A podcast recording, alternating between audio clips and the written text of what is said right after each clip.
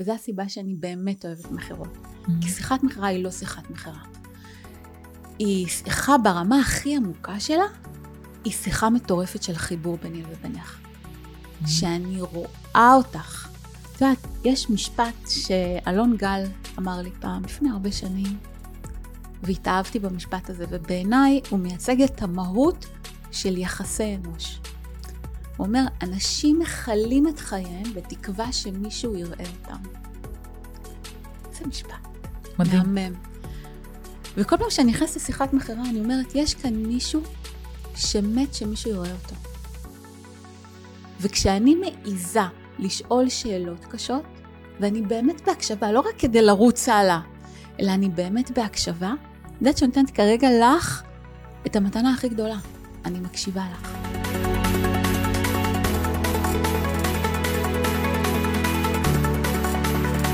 ארזית נחום, מה נשמע? כיף שבאת לפודקאסט. אני מצוין. כיף גדול מאוד להיות כאן, במיוחד אחרי כל הדברים הטובים שאני שומעת עלייך בשנתיים האחרונות. איך אפשר שלא, מה שנקרא? איך פמפמו. אפשר שלא, בדיוק. פמפמו לכם. תגידי, מה זה השם ארזית? וואו, השאלה הנפוצה ביותר, ברור. אני אגיד אין לך. מקוריות בפודקאסט שלי. אין שתדעי. מקוריות. שום מקוריות. אבל האמת היא שזה, יש סיפור נחמד כאן, שההורים שלי רצו בן.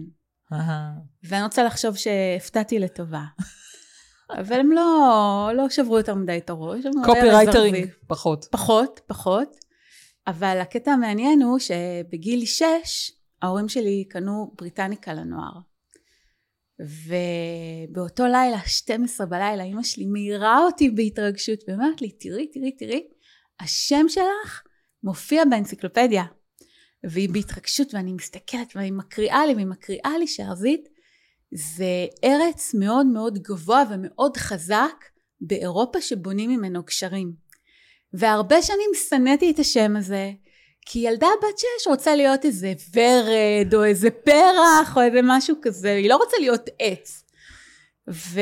אבל עם השנים הבנתי שהשם אה, יצא מאוד נכון לי, כי הרבה פעמים אני מוצאת את עצמי גשר של אנשים לכל מיני וואו. מקומות. אז אה, כן, אז אה, זה הסיפור. קודם כל אומרים תמיד ששם יש לו קטע מובן כלשהו, ואני חייבת להגיד לך שאני, את השם שלי גם לא אהבתי הרבה פעמים, אבל uh, ברבות הזמן רציתי להיות שופטת, אני למדתי עריכת דין, רציתי להיות שופטת, אז כאילו דנה, זה כאילו בדיוק מתאים ל... ממש. לזה, אבל בסוף לא הייתי, כאילו בסוף עזבתי את העריכת דין, אבל...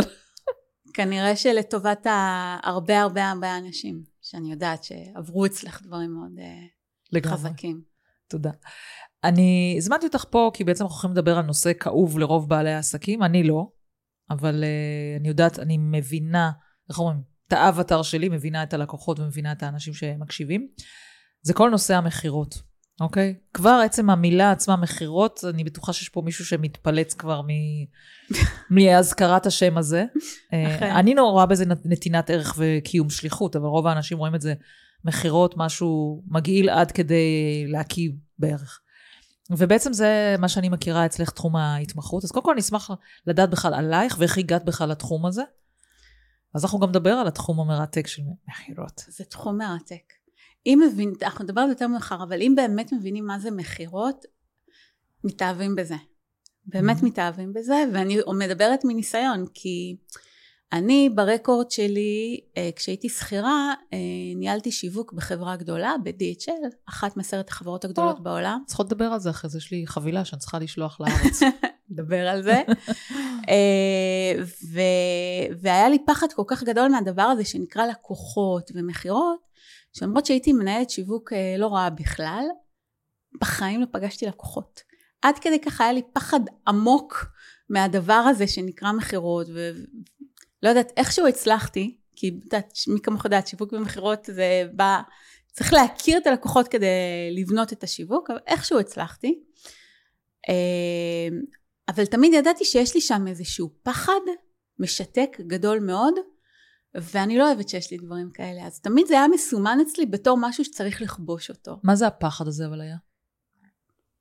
הפחד, אה, תראי, אני, אם אני חוזרת אחורה אחורה בהיסטוריה של החיים שלי, ילדה דחויה, אה, אה, אה, חרדה חברתית מאוד מאוד קשה. אה, זאתי שתמיד אה, לעגו לה בבית ספר. אה, ובכלל, כל אינטראקציה שאני צריכה אה, להיות, ליצור קשר עם בן אדם שהוא לא מוכר לי והוא לא באזור הנוחות שלי, זה מאוד מפחיד. כן. זה כי יש איזו חוויה בילד אין של, שלא. אה, אני, אני תמיד מדמה את, ה, את, ה, את העולם הזה של המכירות למחנה. אני זוכרת שהיינו ילדים והיינו משחקים מחניים. כן. והמורים היו מחלקים ארונות לשתי קבוצות, לא לשתי קבוצות, היו בוחרים שני אנשים שיבחרו את הקבוצה שלהם. עכשיו, אני ממש כועסת על המורים האלה, כי את מי הם היו בוחרים שיבחרו את החברים שלהם? את הילדים הכי פופולריים בכיתה. ואז ילדים כמוני היו יושבים והיו אומרים, בבקשה שיבחרו בי, בבקשה שיבחרו בי, ותמיד היינו נבחרים אחרונים, חוויה נוראית.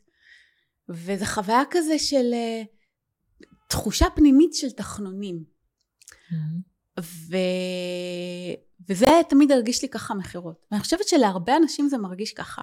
תחנונים. תחנונים, לפעמים כי אתה צריך לרדוף אחרי הבן אדם ולעשות עוד פולו-אפ ופולו-אפ, ואתה רודף אחרי בן אדם והוא לא עונה לך, או שאתה מציע לו, ואז אומר לך, אני צריך לחשוב על זה, ואז אתה אומר, רגע, מה אני אגיד לו, מה... אתה מתחיל להרגיש שצריך לחזר אחרי הבן אדם ולרדוף, וזה מאוד מאוד לא נעים. ואני חושבת שאנשים לא אוהבים את המכירות כי הם מרגישים שהם רודפים מצד אחד, ומצד שני, יש שם את הפחד מהחוויה של הלא. Mm-hmm. כי איזה כיף זה כשאת עושה מכירה והלקוח קונה. את לא מסיימת את השיחה הזאת, אומרת, אוי, סבלתי. לא. מתי אנשים אומרים, סבלתי, והיה לי קשה ואני שונא מכירות? כשזה לא עובד להם.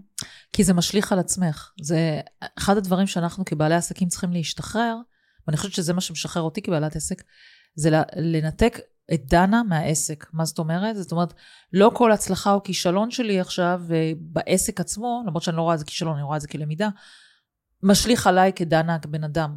צריך מאוד להפריד בין הפעולות לבין הבן אדם.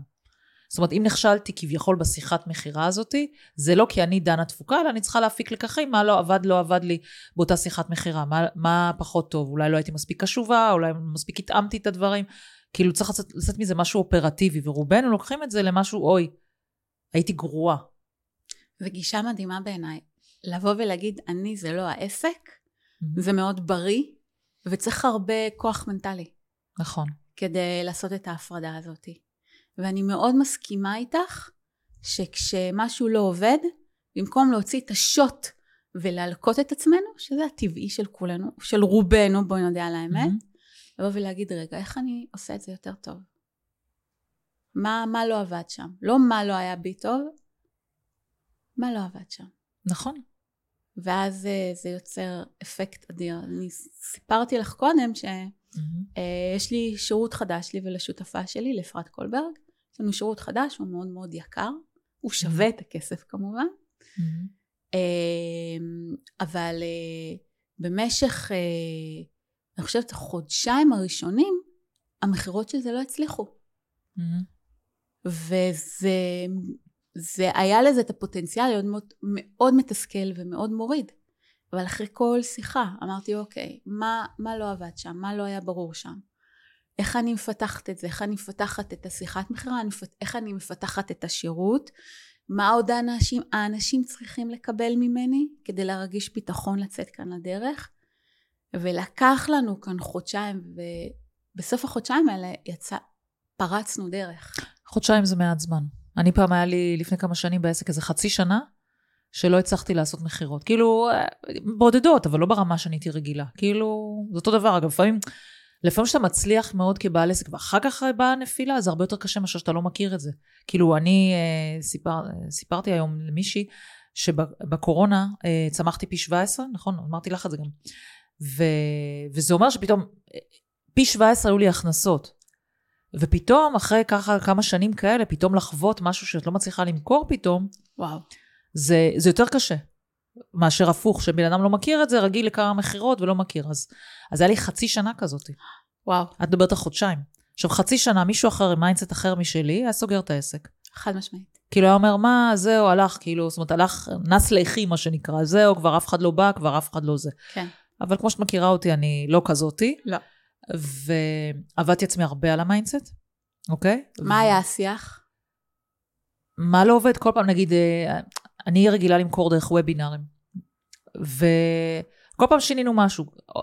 עוד איזה גלגל בשיווק, עוד איזה גלגל בוובינר, עוד איזה משהו ככה, עוד משהו במכירות. כאילו, כל פעם בדקנו, גם לא ביחד. זה לוקח הרבה זמן לשנות, כי את לא משנת הכל ביחד, כי אז את לא יודעת מה השפיע.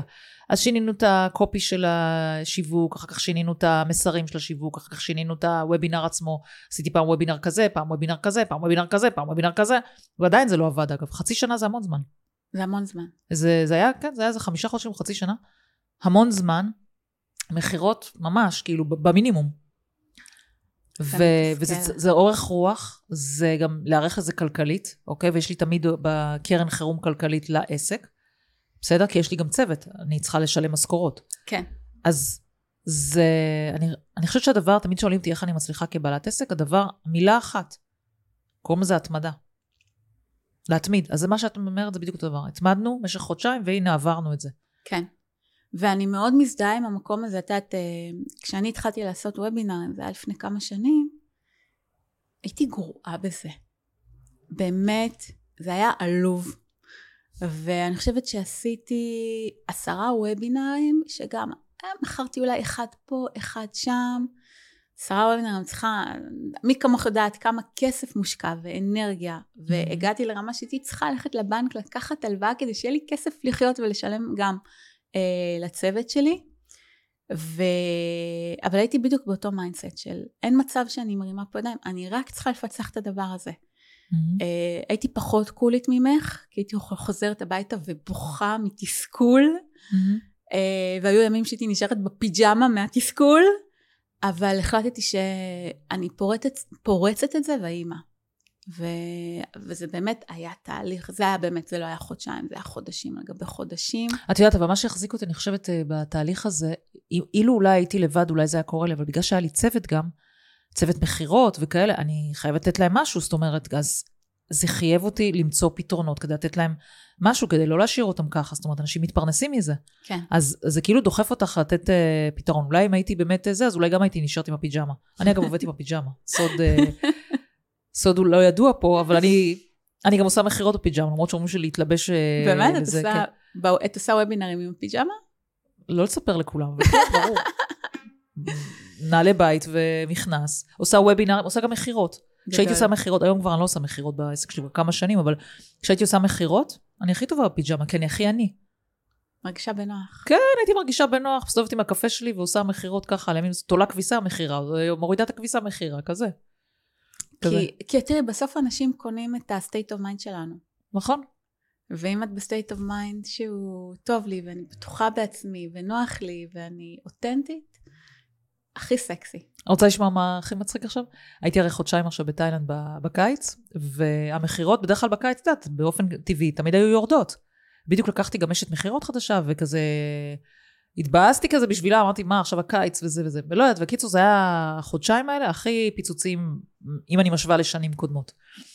וכל הזמן הצוות אומר לי, זה בגלל שהיית בתאילנד ושידרת את זה, שהיית בתאילנד ושידרת את הכיף וזה כנראה גם בפנים, בתוך החברה, וגם בחוץ בתוך הרשת, לא יודעת מה. לגמרי. כאילו, ובאמת, אני כל הזמן אומרת שעכשיו אני פה בארץ, אני, שלא אהרוס את. זה. אני חושבת שזה הכל הכל הכל state of mind. מה, מה שהמקום שאנחנו נמצאים בו זה הדבר שהכי ממגנט אלינו או הכי דוחה מאיתנו. נכון. ואני רואה את זה על עצמי שכשאני מגדילה את העבודה על עצמי זה אוטומטית בא לידי ביטוי בחשבון הבנק. זה, זה, זה אחד לאחד. אז איך הגעת באמת לקטע הזה? זאת אומרת, אז התחלת לספר שבאמת אה, זה היה הכי דחוי מבחינתך, אז בואי תספרי את ההמשך. אז אה, בקיצור, אז, אז ניהלתי את השיווק ב-DHL וידעתי שם שאני בורחת ממשהו וכשעזבתי שם אמרתי אוקיי, החלום חיי היה להיות יועצת עסקית כי זה היה נראה לי מעניין כל הזמן להיכנס לעסק אחר ו... וב, ו, וידעתי שיהיה לי בעיה עם המכירות כי ידעתי, כי ידעתי שכמה פחד יש לי ואמרתי לעצמי זה ההזדמנות זו ההזדמנות עכשיו לכבוש את הדבר הזה ו- ולצאת מהצד השני מנצחת ושנה שלמה, זה היה לפני 12 שנה, שנה שלמה, הלכתי מפגישת למכירה, לפגישת מכירה, לפגישת מכירה. סגרתי את הכמות המדהימה של אפס עסקאות. שנה שלמה. וואו. לקח לי שנים וואו. להחזיר את החובות של השנה ההיא. וואו. כן. אז זה mindset, אז שאת, זה הדוגמה שאת צריכה לתת על mindset אה, פלדה. זה נכון וזה לא נכון. אני אגיד לך משהו, כי בעיקר מה שניהל אותי אז, זה לא mindset כמו העקשנות של אני לא מוכנה להודות בפני עצמי שנכשלתי כאן וואלה. בדבר הזה. זה היה יותר אגו מאשר, זה היה יותר אגו מאשר אה, איזה mindset מאוד חזק. היום, ומי כמוך יודעת, כשככל שהעסק הולך וגדל, אה, ההוצאות הולכות וגדלות בהתאמה. ולפעמים אתה מסתכלת ואת אומרת, רגע, אבל הייתי יכולה לעשות את הכסף הזה? גם בעסק הרבה יותר קטן, בלי צוות גדול, בלי הוצאות... אה, כלומר, יש, יש יותר הזדמנויות. רגע, אז היית כבר בעלת עסק כבר שהלכת השנה הזאת? כן, פתחתי עסק של ייעוץ. עסקי. ממש עזבת משכירה ל... עזבתי, כן. וואו, איזה ביצים. כן, אני עקשנית מאוד. דפנטלי. אבל, אה, ובאמת, בשנה הזו אני חייבת להגיד, למדתי מכירות. והיה לי מנטור של מכירות, ועשיתי קורסים של מכירות, וזה לא עבד.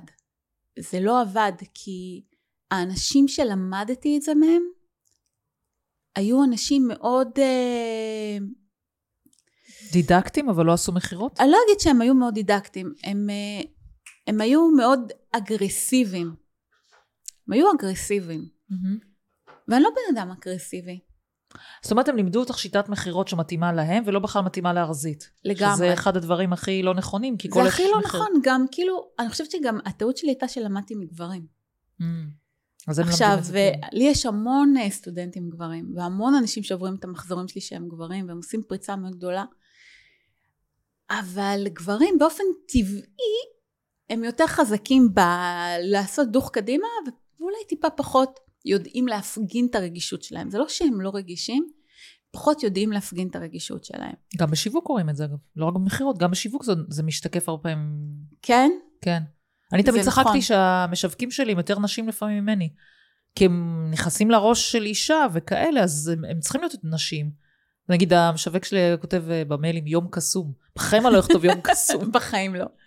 בחיים. אבל, אבל, זה, אבל זה עובד, כאילו, כי, כי ככה צריך לעשות שיווק וככה גם צריך לעשות מכירות.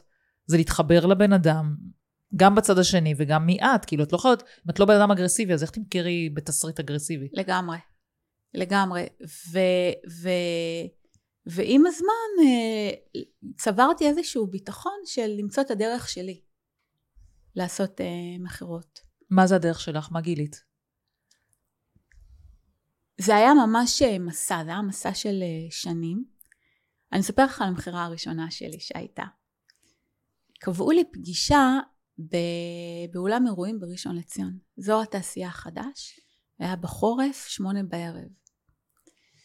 ואני אחרי כבר שנה של, אה, שלא. זה לפגישה כאילו שהיית צריכה לקבוע היה לי, היה לי איזה? telemeeting כזה. כן, telemeeting. כזה שהיה קובע לי. אה, אחרי שנה שאנשים רק אומרים לי לא ולא קונים, וניסיתי, אני בן אדם נחמד ומרצה. ובאמת כל השיחות מכרז שלי הייתי נורא נחמדה והייתי נורא מרצה.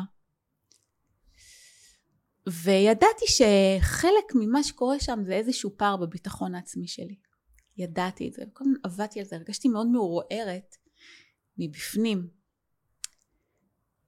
ואז קבעו לי את הפגישה הזו, ואני מגיעה, ואני חונה, ויורד גשם, וקר, וחשוך, אזור תעשייה, ואני מגיעה, בניין חשוך, חשוך. מגיעה, זה היה עולם אירועים בקומה השנייה, אני עולה לקומה השנייה, הדלת נפתחת וחשוך, ומתוך החושך הזה יוצא גבר, שתי מטר, גורמט יפה כזה כאן. אוי ואבוי, סרט אימה זה נשמע לי. סרט אימה, והוא, והוא, אני לא יודעת מה עבר עליו לפני שהגעתי, והוא אומר לי, מה? אני חייבת להגיד לך שבאותו רגע, כל מה שרציתי, פשוט ללכת הביתה, כי אמרתי, תקשיבי, שנה שלמה את לא מוכרת. לבחור הזה את תמכרי. גם ככה נראה, לך ש... נראה לי שהולך להיות כאן איזה סרט אימה כמו שאמר. אז לכי הביתה, תאכלי גלידה, תראי סרט. אבל, אבל אני חושבת שזה היה הרגע שהייתי באמת בתחתית של התחתית, וכשאתה בתחתית, זה מקום נהדר. יש רק לעלות. כן. כי, כי אתה, עכשיו אתה יכול להרשות לעצמך לעשות את הדברים שאתמול לא, לא היית מוכן לעשות אותם. ובאה לי איזה מין אה, בת קול כזאתי, אמרה לי, את חייבת להעמיד פנים שאת לא מבוהלת עד עמקי נשמתך כרגע. אז אמרתי לו, בהכי fake it until you make it, שלום, שמי ארזית נחום, אני יועצת עסקית, קבעו לנו פגישה, אבל אני כולי מפרפרת ואני צריכה כזה איזה מרחב כזה לנשום, ואז באה לי ההברקה של החיים. אני אומרת לו, תעשה לי סיבוב. מה הוא עשה? הסתובב על אה, זה?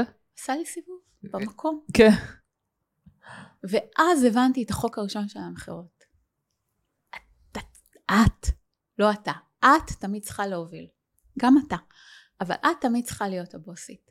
Mm-hmm. ברגע שאני נתתי הוראה, והוא הלך בדרך שלי, אנחנו סגרנו עסקה אחרי חצי שעה. זה היה ריטיינר חודשי של 5,000 שקל בחודש. Mm-hmm. זו העסקה הראשונה שלי.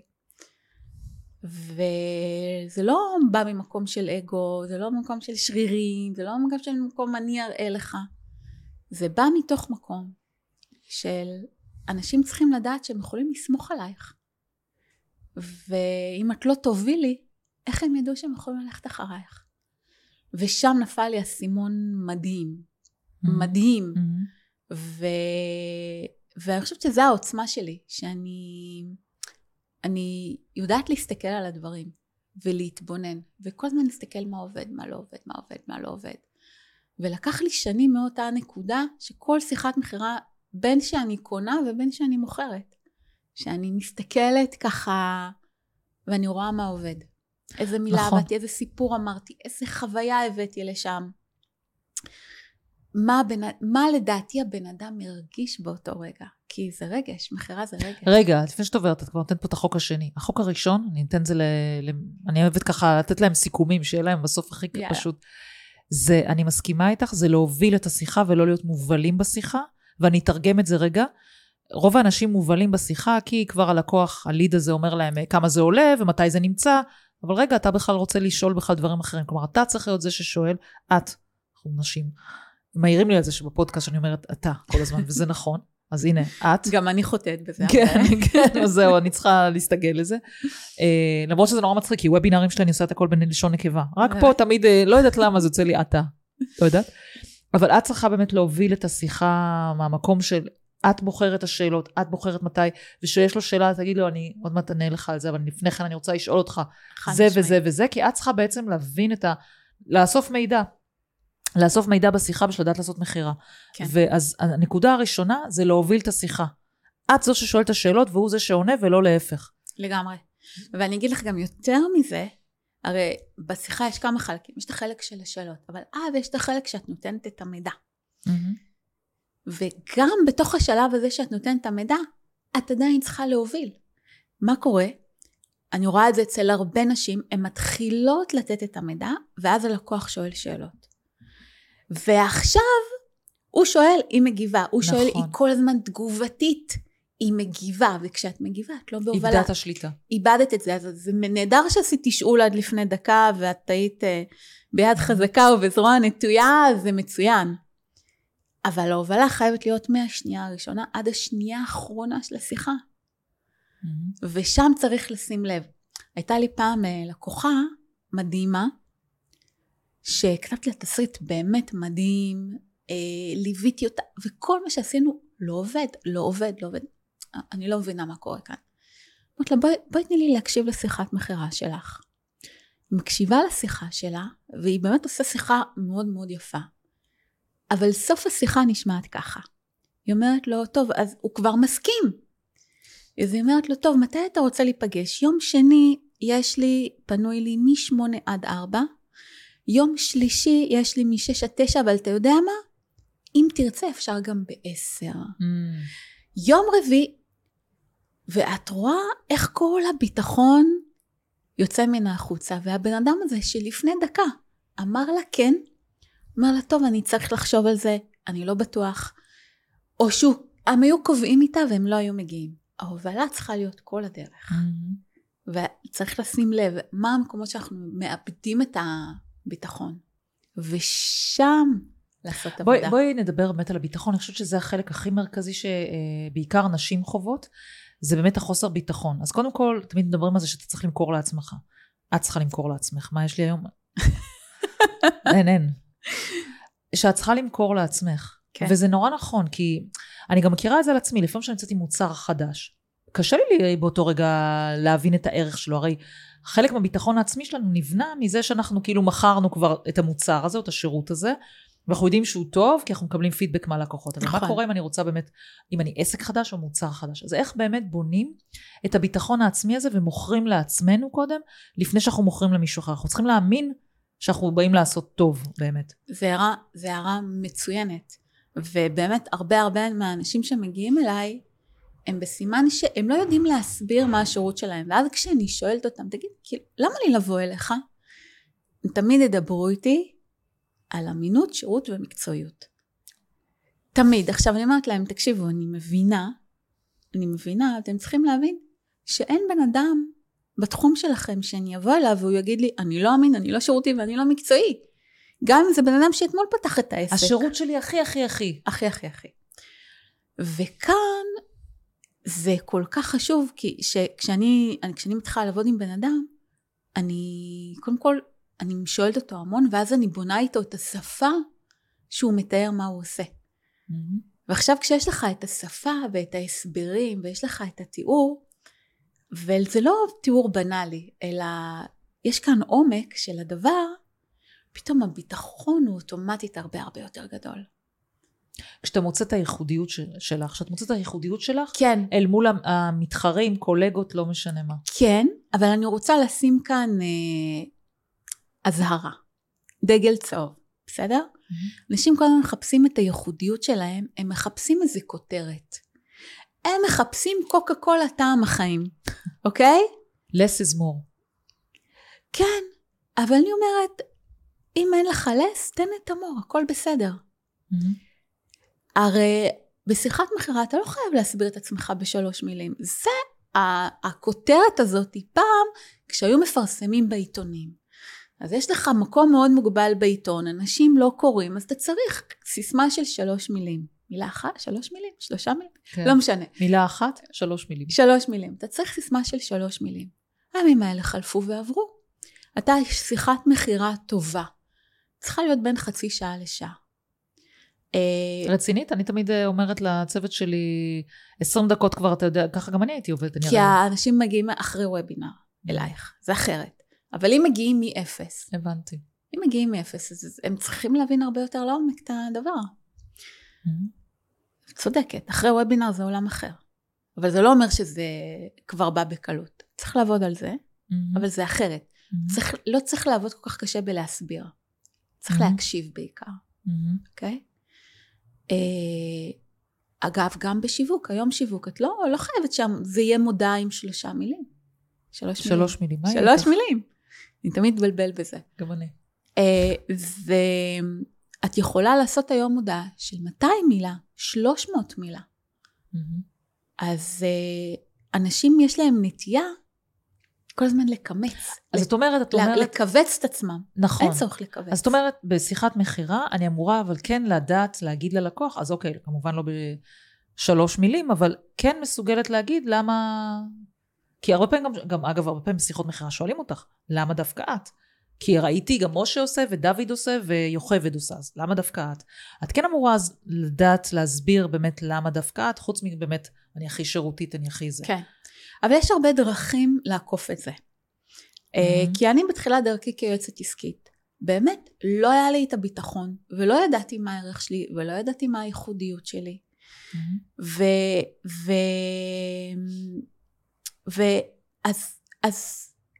אז מצאתי המון דרכים לעקוף את זה. מה, ספרי למשל איך אה, זה. דרך אחת היא, את יודעת, אה, חלק מהותי מאוד בשיחת מכירה, זה, אני קוראת לזה הפער בין העמק של הכאב לפסגות המרהיבות של התמונה המנצחת, אוקיי? אה, ואני הייתי מתשאלת אנשים על הכאבים שלהם, ואני לא הייתי ממשיכה את שיחת המכירה עד שאנשים, לא משנה אם זה גברים או נשים, לא היו בוכים אצלי בדמעות בפגישת המכירה. והייתי כל כך טובה בזה, היום אני כבר פחות טובה בזה, אבל הייתי כל כך טובה בזה, כי ידעתי שאם הם יבכו, הם שלי. hold it, כי את פה העלית נקודה שאני כל הזמן שומעת את זה מאנשים. זה באמת הקושי, זה כאילו מרגיש להם כניסה לפרטיות, חפירה, לא לעניין, זה לנצל את הכאב שלהם. יש לי הרבה שיחות כאלה שאומרים לאנשים, אבל את כל, את כל המגוון שאמרתי לך. עכשיו תפתרי לי את זה. אני חושבת שאנחנו כל הזמן עסוקים בעצמנו.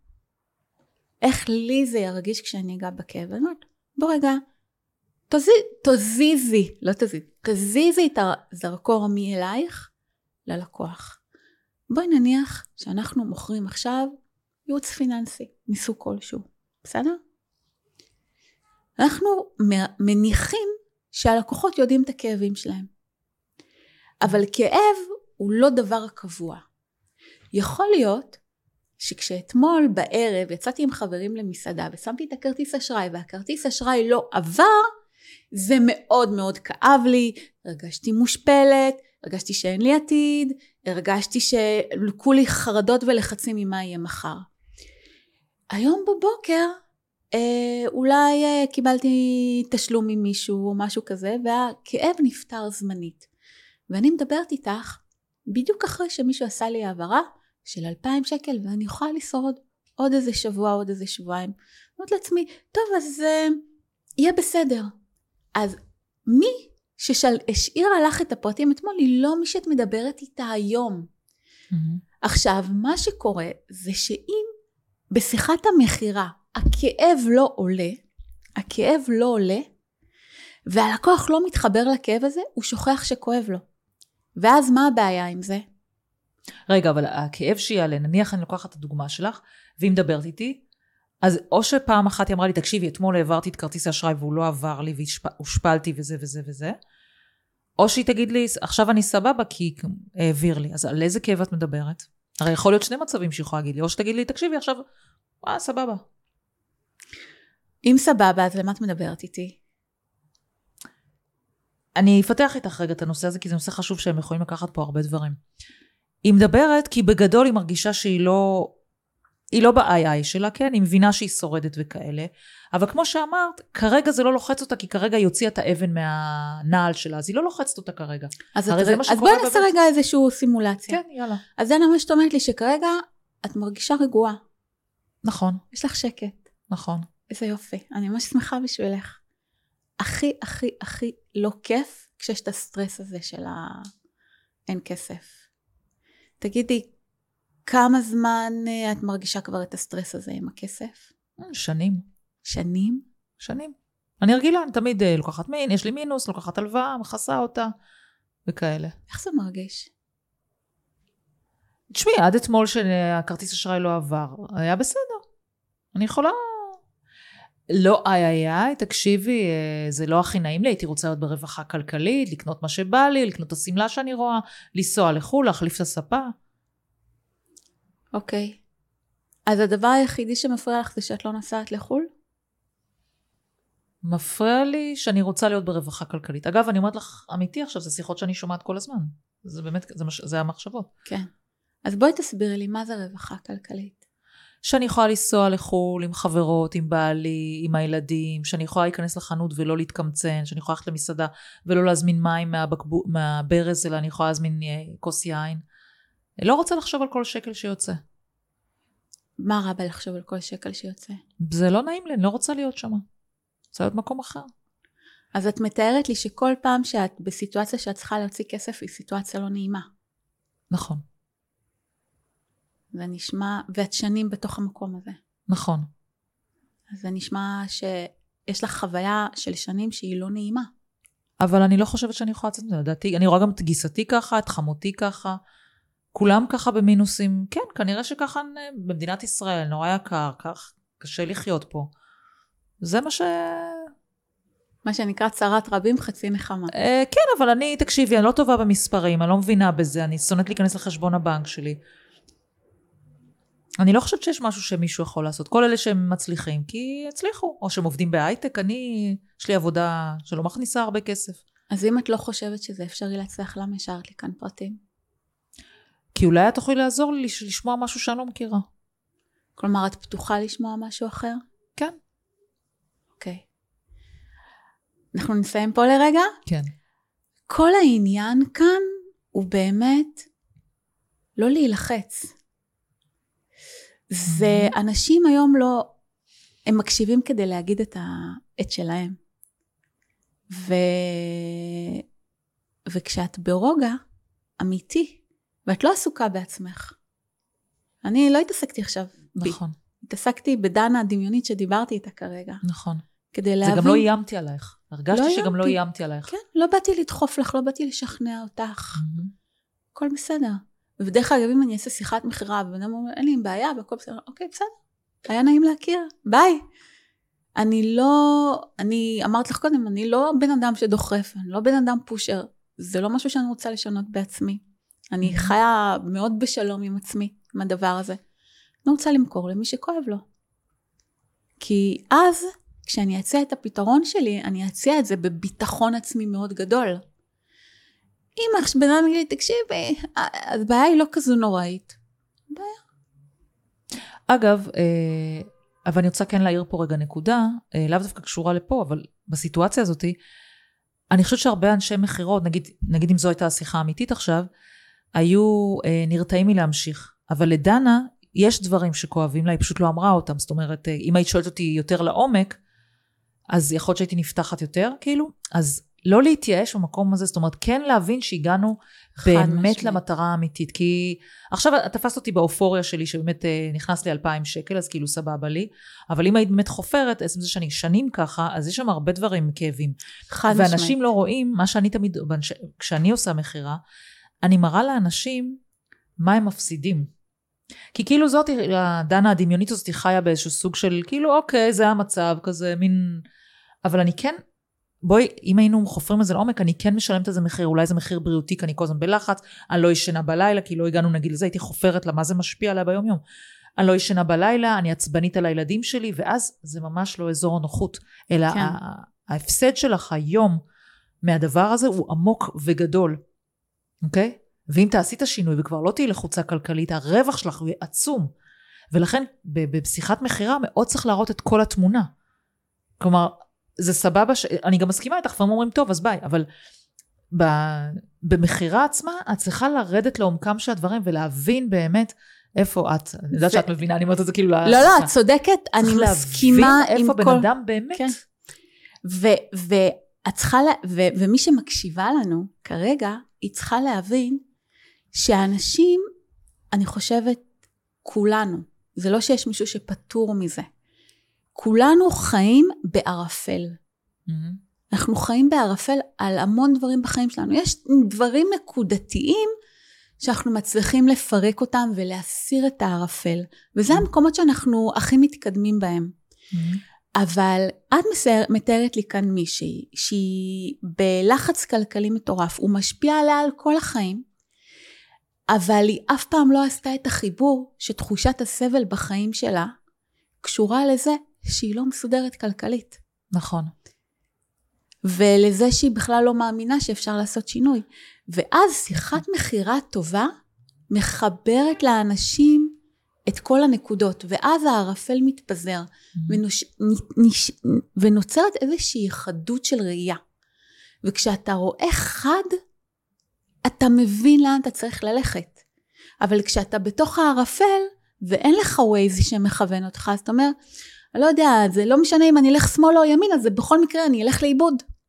מהמם. וברגע שמצליחים לייצר חדות כזאת, ועוזרים לבן אדם בשיחת המכירה לחבר את כל הנקודות, שם קורה הקסם האמיתי. נכון, ואני אפילו אדגיש את זה, החדות בעצם הוא בשני מימדים. חדות אחת להבין מה התהליך שבן אדם עובר, כי הוא לא קונה כוס שקל לראות אותה ולהבין.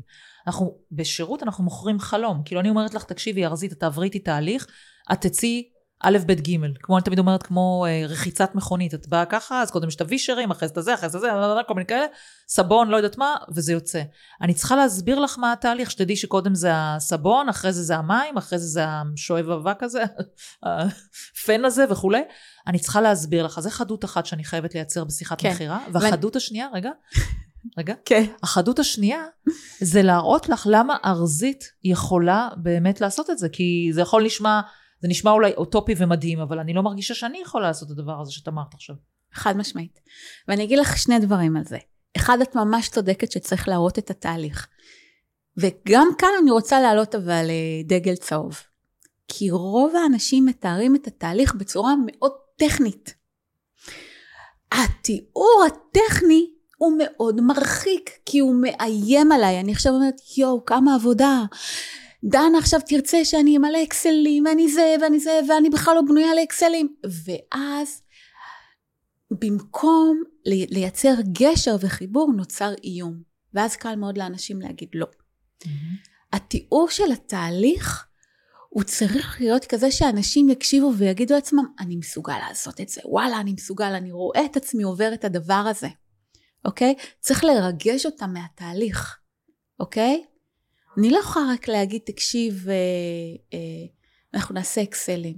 איך היית מרגשת בתהליך? אגב, זה מעניין, כי את מעלה פה נקודה סופר חשובה. איך היית מרגשת בתהליך כלכלי? עזבי, מבלי לדעת המוצר. כן. תהליך כלכלי של בן אדם, הוא באמת כמו שתיארת, הוא צריך לעבוד ולעשות את הדברים. כאילו, התהליך אצלי זה לא done for you, לא אני באה ויושבת ואומרת כן. לו, משה, תקשיב, עכשיו אתה עושה ככה ועושה ככה. לא, אני רוצה כן. שמשה יבין לבד, כאילו עם הנחיה וכל זה, אבל שהוא יבין מה מתאים לו, איזה השקעה מתאימה לו, מה לעשות עם כן. הכסף שלו, אני רוצה שהוא יהיה, ילמד לכל החיים שלו. אז אם אני לימוד. צריכה להמציא, כן, ככה תמציאי. בשלוף, תמציא. אז אני אגיד לך, תראי, שתינו יודעות שהיה הכי קל אם עכשיו הייתי באה, נכנסת לך לחשבון הבנק, מנהלת לך כל הדברים, אומרת לך מה לעשות, מתי ואיך. רק מה הבעיה עם זה? את יודעת מה הבעיה עם זה? יש הרבה בעיות, אבל כן. אבל את יודעת מה הבעיה הכי גדולה?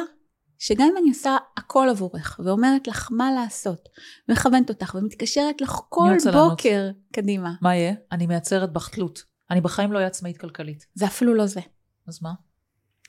את תוך שבוע תנתקי לי את הטלפון, ואת לא תרצי לדבר איתי יותר לעולם. למה? עשיתי לך את כל מה שאת רוצה. הגשמתי לך את החלום שאני עושה בשבילך את כל הבנקים ובלה בלה בלה בלה. נכון, למה? אבל בסופו של דבר, את לא תהיי מחוברת למה שקורה. וכשאת לא מחוברת, אין מוטיבציה, אין תנועה, אין, אה, אין התמדה, אין נחישות. אני, המטרה שלי כאן, דנה, היא לא לעשות בשבילך. המטרה שלי שאת תעברי טרנספורמציה. אני רוצה שאת תיקחי את השור המשתולל הזה שנקרא הכספים שלך, תתפסי אותו בקרניים, חזק, תרכבי לו על הגב ותנהלי אותו. אני רוצה שתרגישי חזקה ועוצמתית ומסוגלת ויכולה, וזה מה שייקח אותך לאן שאת רוצה להגיע. וזה דרך לרגש אנשים נכון. בתהליך. נכון. לא את נעשה אקסלים. כי, כי בואי נעשה רגע למה זה באמת מרגש, זה נכון. אין, אני אומרת רגע, אני לוקחת אותך לעבוד אצלי. למה זה מרגש באמת? כי בעצם את תיארת לי מצב, שזה מה שחשוב בשיחת מכירה. א', שאני יכולה, וב', כמה אני אענה מהתהליך. כאילו, אני עכשיו, תחשבי באמת את התיאור הזה, שור כזה שאני תמיד מאיים עליי ומפחיד אותי. פתאום אני רוכבת עליו, זה כאילו אני וונדר וומן, אני וגל גדות, אותו דבר. בול. אני וגל גדות בול אותו דבר. אגב, היא קרובת משפחה שלי, רק אה, שתדעי. באמת? אל תשחקי, קרובת וואי, משפחה. מגניב. אה, אני אעבוד בשבילך אם תארגני דייט, את בדיוק. צריכים לרקום פה איזה. נתת לי פה תחושה של באמת מסוגלות, כאילו, ואיזה כיף זה שאני אוכל. את, את, נתת לי בעצם תמונת ניצחון. ואני חושבת. שזה מה שחשוב בש- בשיחת מכירה. זה לתת לי תמונת ניצחון ש-yes you can. לגמרי. ורוב האנשים נורא מפחדים לתת את התמונת ניצחון הזו, כי הם לא באמת מאמינים בדבר הבא. הם לא מאמינים בפוטנציאל הבלתי מוגבל של האנושות. הם מדברים עם לקוח, והם לא מאמינים שהוא יכול לעשות פריצה מטורפת בחיים שלו. רוצה לשמוע קטע? אותי דווקא השיחות מכירה שאני זוכרת שעצבנו אותי, שלא הצלחתי למכור. אצלי כבר, בקטע של שיחות מכירה כשאני הייתי מוכרת, זה תמיד דווקא כבר היה על הקטע של אה, כאילו, האם אני... אנשים שהרגשתי שאני ממש רוצה שהם ייכנסו לתוכניות האלה, זה כאב לי, במיוחד אלה שהרגשתי שהם דווקא כן מסוגלים לאחוז את השור הזה, וכאילו לא הצלחתי להעביר להם את התמונה הזאת, כי הם כל כך היו רחוקים מהחוסר המסוגלות שלהם, שהם לא יכלו אפילו לקבל את זה.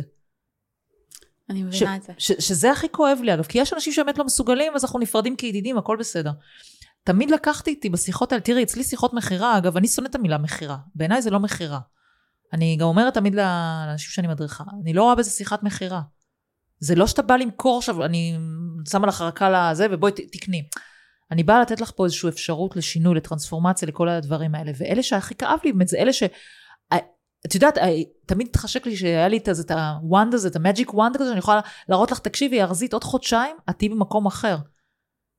וכאילו, אני לא מצליחה להעביר לך את, ה, את העוד חודשיים, את באמת במקום אחר, את לא מצליחה לקלוט את זה. זה כואב, אגב, שאת רואה את זה. זה כואב. יש אנשים שהם באמת, הם לא שם. הם לא שם, וזה לא משנה מה קורה בשיחת המכירה. אבל רוב האנשים הם, הם באיזשהו שלב ביניים, כזה ב... תראי, אני אומרת, בשיחת מכירה אנחנו רוצים לייצר ללקוח ארבע אמונות. Mm-hmm. אם ייצרנו את ארבעת האמונות האלה, הלקוח יקנה. Mm-hmm. שלושת האמונות הראשונות הן יחסית פשוטות. האחד, האמונה שאני במקום הנכון. Mm-hmm. שתיים, האמונה שזה יעבוד לי. שלוש, האמונה שאני צריך את זה עכשיו, צריכה את זה עכשיו. Mm-hmm. אבל האמונה הרביעית היא המסובכת. האמונה בעצמי. Mm-hmm. ו, ו, וכאן צריך להבין שחובה לשתול לשיחת המכירה אה, פרקים שהמטרה שלהם להגדיל לבן אדם את האמונה בעצמו, שהוא מסוגל להתמודד עם זה. למשל התסריט שנתתי לך, הוא משחק מאוד על זה, mm-hmm. אבל זה לא עומד בפני עצמו. כלומר צריך לבנות את זה כאן נדבך מעל נדבך בתוך שיחת המכירה. ואז קל מאוד לאנשים לראות את עצמם עושים את זה. אני כל הזמן מספרת פה על מקרה שהיה די, די לאחרונה, שדיברתי עם מישהי, ש...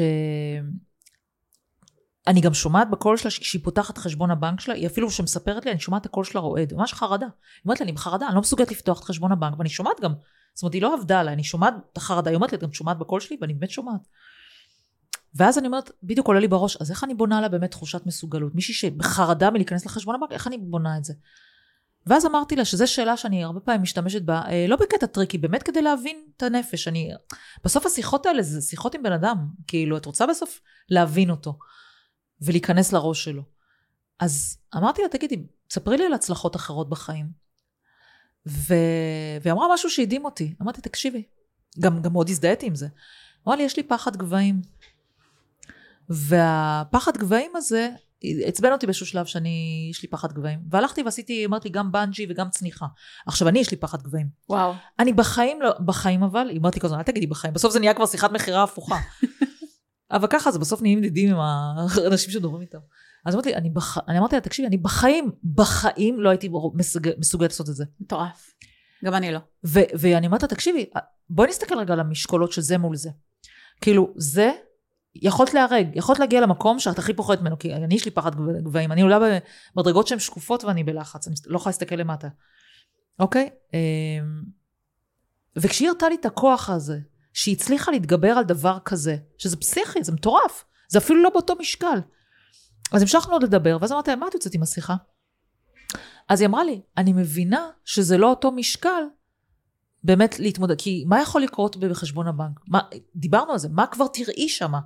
בעוד שכשקפצת מהמטוס, דפנטלי ראית מה, יכולה, מה יכול לקרות. והיא הבינה באמת שהפרופורציה לא זה.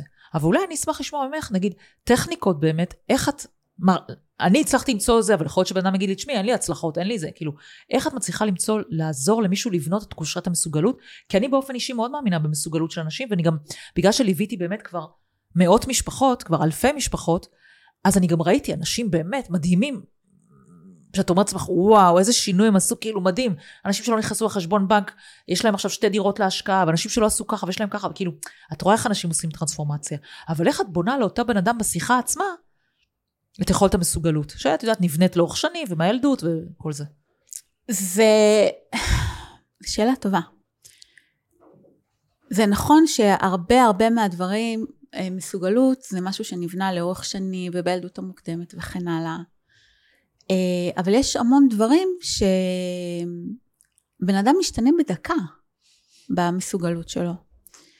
אה, זה תמיד מזכיר, אנחנו דיברנו על פחד גבהים, גם לי יש פחד גבהים.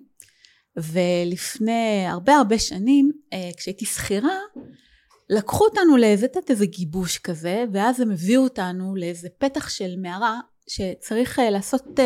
סנפלינג. סנפלינג כדי לרדת למערה. עכשיו, התגובה הטבעית שלי הייתה, התחרפנתם, כאילו, אין מצב. No way. אבל אז ראיתי ש... אה, את המזכירה הפחדנית שלנו עושה את זה. אמרתי לעצמי, היא תעשה את זה ואני לא, ועשיתי את זה. וזה קרה ככה. אז צריך לזכור גם שהמסוגלות של בן אדם זה דבר שמשתנה מאוד מהר בנסיבות הנכונות. עכשיו, איך אני אוהבת לבנות לאנשים מסוגלות? אה, ו- ואני מסייגת כאן. הרבה אנשים ישמעו אותי והם ייקחו את זה למקום לא נכון. Mm-hmm. הם ייקחו את זה בתור צריך להתחנף ללקוח, צריך לתת לו כל מיני מחמאות. לא. אני אומרת, צריך לראות את הבן אדם שמולכם, לטוב ולרע, ולשקף לו מה אתם רואים. Mm-hmm. אם אני הייתי מדברת עם הבחורה הזו, הייתי אומרת לה, את נשמעת לי בחרדה. הייתה אומרת לי, כן. חרדה משתקת. כן, אני מבינה אותך. חרא של מקום, להיות בו. עצם זה שאני רגע רואה אותה, והיא יודעת שראיתי אותה, כבר לקחתי חלק מאוד מאוד גדול. הורדתי ממנה חלק גדול מהנטל. למה? כי הרבה, שוב, אנחנו בתור הערפל, אז יש איזה משהו שנורא מפחיד אותנו, אנחנו לא מסתכלים עליו בעיניים לרגע, אז הוא יותר ויותר ויותר גדול. אבל ברגע שהסתכלנו, אמרנו, יש כאן חרדה, לקחנו וצמצמנו אותה. בעצם זה שהסתכלנו וראינו אותה. וגם עשית לה עוד משהו. אז עשית גם את זה, אני מסכימה איתך, ועשית עוד משהו. את נרמלת לה שאת מכירה שיש חרדות בלהסתכל על חשבון הבנק, זה לא פעם ראשונה שאת רואה, כי מרבית האנשים, את בטח מכירה את זה בשיחות מכירה. תקשיבי, דנה, לי יש מקרה הכי כאילו... אצלי הכי קשה. כן, בדיוק, מקרה שלי כן. הכי קשה, וראיתי את זה מאות פעמים לפני זה. אז בעצם נרמלת לה, זאת אומרת, חרדה מחשבון הבנק, זה משהו שאני רגילה לראות. לגמרי. ואני יודעת איך להתמודד עם זה. לגמרי, ואת לא חייזר. בדיוק. ואין בך משהו לא בסדר. ורגע תורידי את הביקורת העצמית המטורפת שיש לך על עצמך. כי הרי זה, זה בא ב, בבומים, אוקיי? אנחנו, היכולת שלנו להכות את עצמנו, שאני מכירה היטב, כן? בשביל זה גם קל לי להבין אנשים מהמקום הזה. Mm-hmm. היכולת שלנו להכות את עצמנו היא, היא נוראית, וזה הדבר הכי משתק שיש. אז ברגע שאני אומרת, רגע, מבינה אותך, בואי נפסיק את ההלקאה לרגע, אפשר? Mm-hmm. אפשר להפסיק את זה לרגע? עכשיו אני רואה אותך, ואת יודעת שאני רואה אותך, אז זו שיחה אחרת. כי עכשיו זה לא שיחת מכירה. וזו הסיבה שאני באמת אוהבת מכירות. Mm-hmm. כי שיחת מכירה היא לא שיחת מכירה. היא שיחה ברמה הכי עמוקה שלה, היא שיחה מטורפת של חיבור ביני ובינך. Mm-hmm. שאני רואה אותך, ואני גם מרשה לך לראות בי את החלקים הכי טובים שלי. את, העמה, את הלמה באתי לעולם. את הנחישות שלי. מנהיגות. את העוצמה שלי, את המנהיגות שלי, את המקצוענות שלי, את כל מה שיש בי. ואני נותנת לך את זה כאן במתנה. עם חיבוק. Mm. זה שיחת מכירה אם דיברתי קודם על לשים לא את הזרקור עליי, לשים את הזרקור על הלקוח. את יודעת, יש משפט שאלון גל אמר לי פעם, לפני הרבה שנים, והתאהבתי במשפט הזה, ובעיניי הוא מייצג את המהות של יחסי אנוש. הוא אומר, אנשים מכלים את חייהם בתקווה שמישהו יראה אותם. איזה משפט. מדהים. מהמם. וכל פעם שאני נכנסת לשיחת מכירה, אני אומרת, יש כאן מישהו שמת שמישהו יראה אותו. וכשאני מעיזה לשאול שאלות קשות, ואני באמת בהקשבה, לא רק כדי לרוץ הלאה, אלא אני באמת בהקשבה, אני יודעת שאני נותנת כרגע לך את המתנה הכי גדולה. אני מקשיבה לך. ובגלל שאני בכזה קשב, את תיפתחי בפניי יותר ויותר ויותר. ובסופו של דבר כנראה תהיה עסקה, אבל את צריכה להבין שהמהות האמיתית של עסקה זה לא כסף. זה היכולת של הבן אדם לשנות את החיים שלו. לגעת, לגעת במישהו לגעת. אחר. לגעת. בשביל זה אני לא אוהבת לדבר על uh, מכירה של uh, ספות. Mm-hmm. אני אוהבת לדבר עם אנשים שהם מוכרים שירותים. Mm-hmm. כי כשאתה מוכר שירות, אתה נותן לבן אדם את היכולת לעשות שינוי בחיים שלו, גם אם זה שירות שהוא לכאורה טיול, אוקיי? את היית בתאילנד, את ראית שזה שינה לך את העסק, נכון. אוקיי? אם אתה מבין את זה לעומק, שיחת מכירה היא לא שיחת מכירה. היא, היא לתת לאנשים מתנה אחרי מתנה אחרי מתנה אחרי מתנה.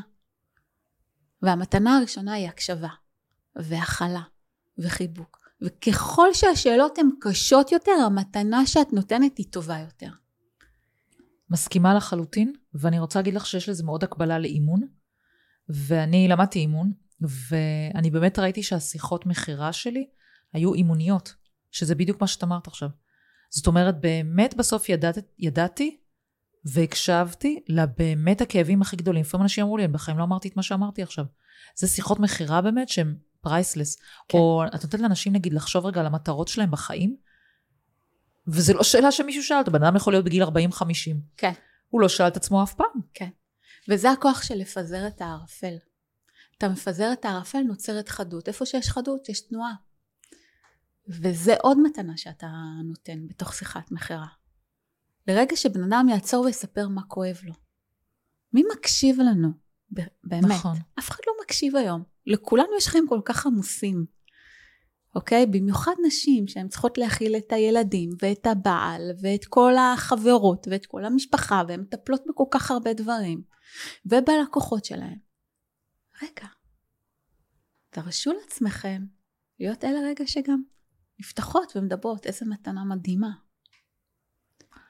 וואו, אה, קודם כל את צודקת, זה היה מדהים לדבר איתך כי את באמת משקפת, אני באופן אינטואיטיבית הרבה מהדברים שאת אומרת אני כך נוהגת, אבל בעצם נתת לזה בעצם שמות ו- וחידדת באמת שזו שיחה מלב אל לב בעצם.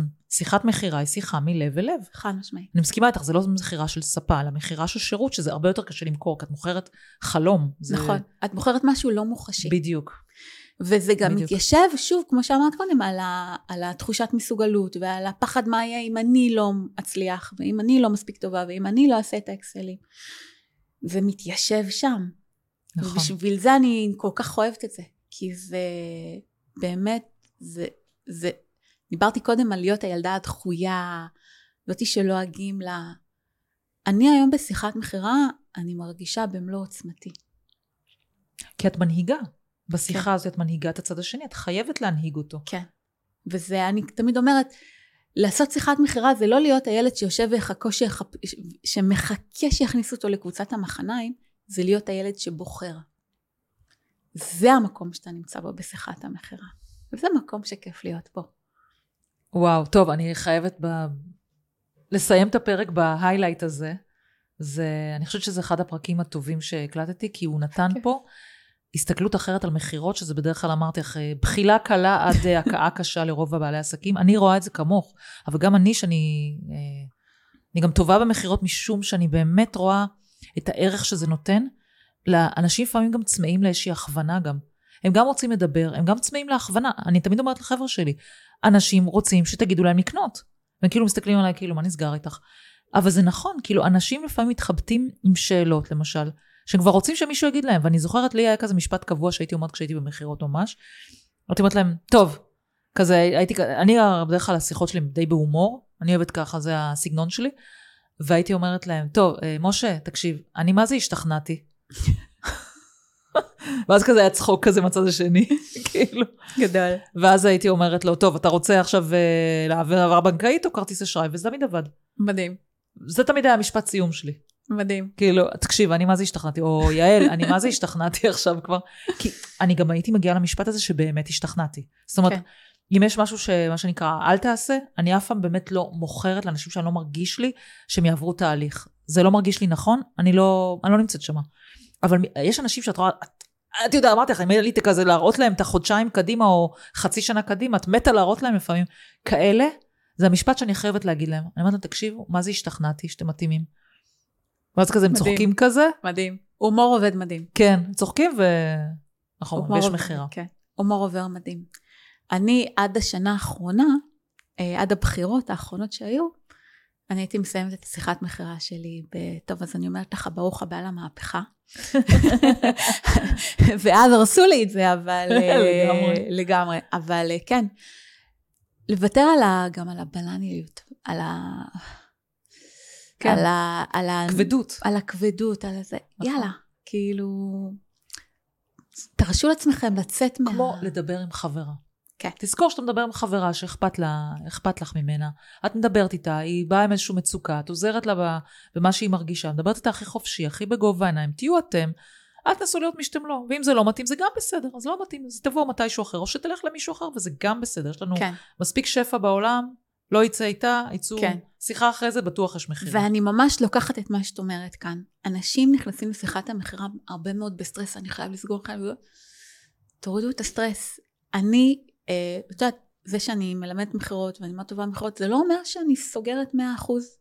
וגם לי יש תקופות שאני מוצפת מאוד, ופתאום אני יכולה לעשות חמש שיחות מכירה ולא לסגור אפילו אחת. עכשיו, כשאתה, כשאתה בן אדם רגיל זה לא נורא, אבל כשאתה מ- מלמד מכירות, עכשיו ההלקאות מתחילות, ואז אני אומרת, רגע, רגע, רגע, מה קרה שם? ואז הבנתי, ואז אני כל פעם מבינה מחדש שאני מפעילה על עצמי סטרס לסגור עסקה. והדבר הכי סקסי בשיחת מכירה זה שאתה, לא אכפת לי, תסגור או לא תסגור. לא אכפת לי. אכ- אכפת לי ממך, אבל לא אכפת לי מהעסקה. וכשאתה בא במקום הזה אמיתי, ואתה אומר, אוקיי, הוא לא יקנה, הוא לא יקנה, בסדר. לא קרה כלום, לא משנה מה קורה בחשבון הבנק, שם יקנו ממך. כי בסוף קונים את ה-state of mind שלך, ואם אתה מגיע מסכן, כי עכשיו בדקת את החשבון בנק שלך, או כי הקליניקה שלך, ואתה שבור, ואתה משדר את השבר הזה קדימה, אין מצב שיקנו ממך. אבל כשאתה, רגע, את עוצרת, נושמת ואומרת, אני באה לראות את הבן אדם, הזרקור הוא לא עליי, הוא עליו, ואני כאן במאה אחוז בהתמסרות לשיחה, ושיהיה מה שיהיה, וואו. וזה דבר שאת עושה גם אינטואיטיבית מאוד מאוד יפה. נכון, ואני רוצה להגיד לך שכשאני רואה שאין לי מכירות נגיד, וכשאני מתבוננת על עצמי, תמיד זה נופל על הקטע הזה שלא הייתי מספיק בהקשבה.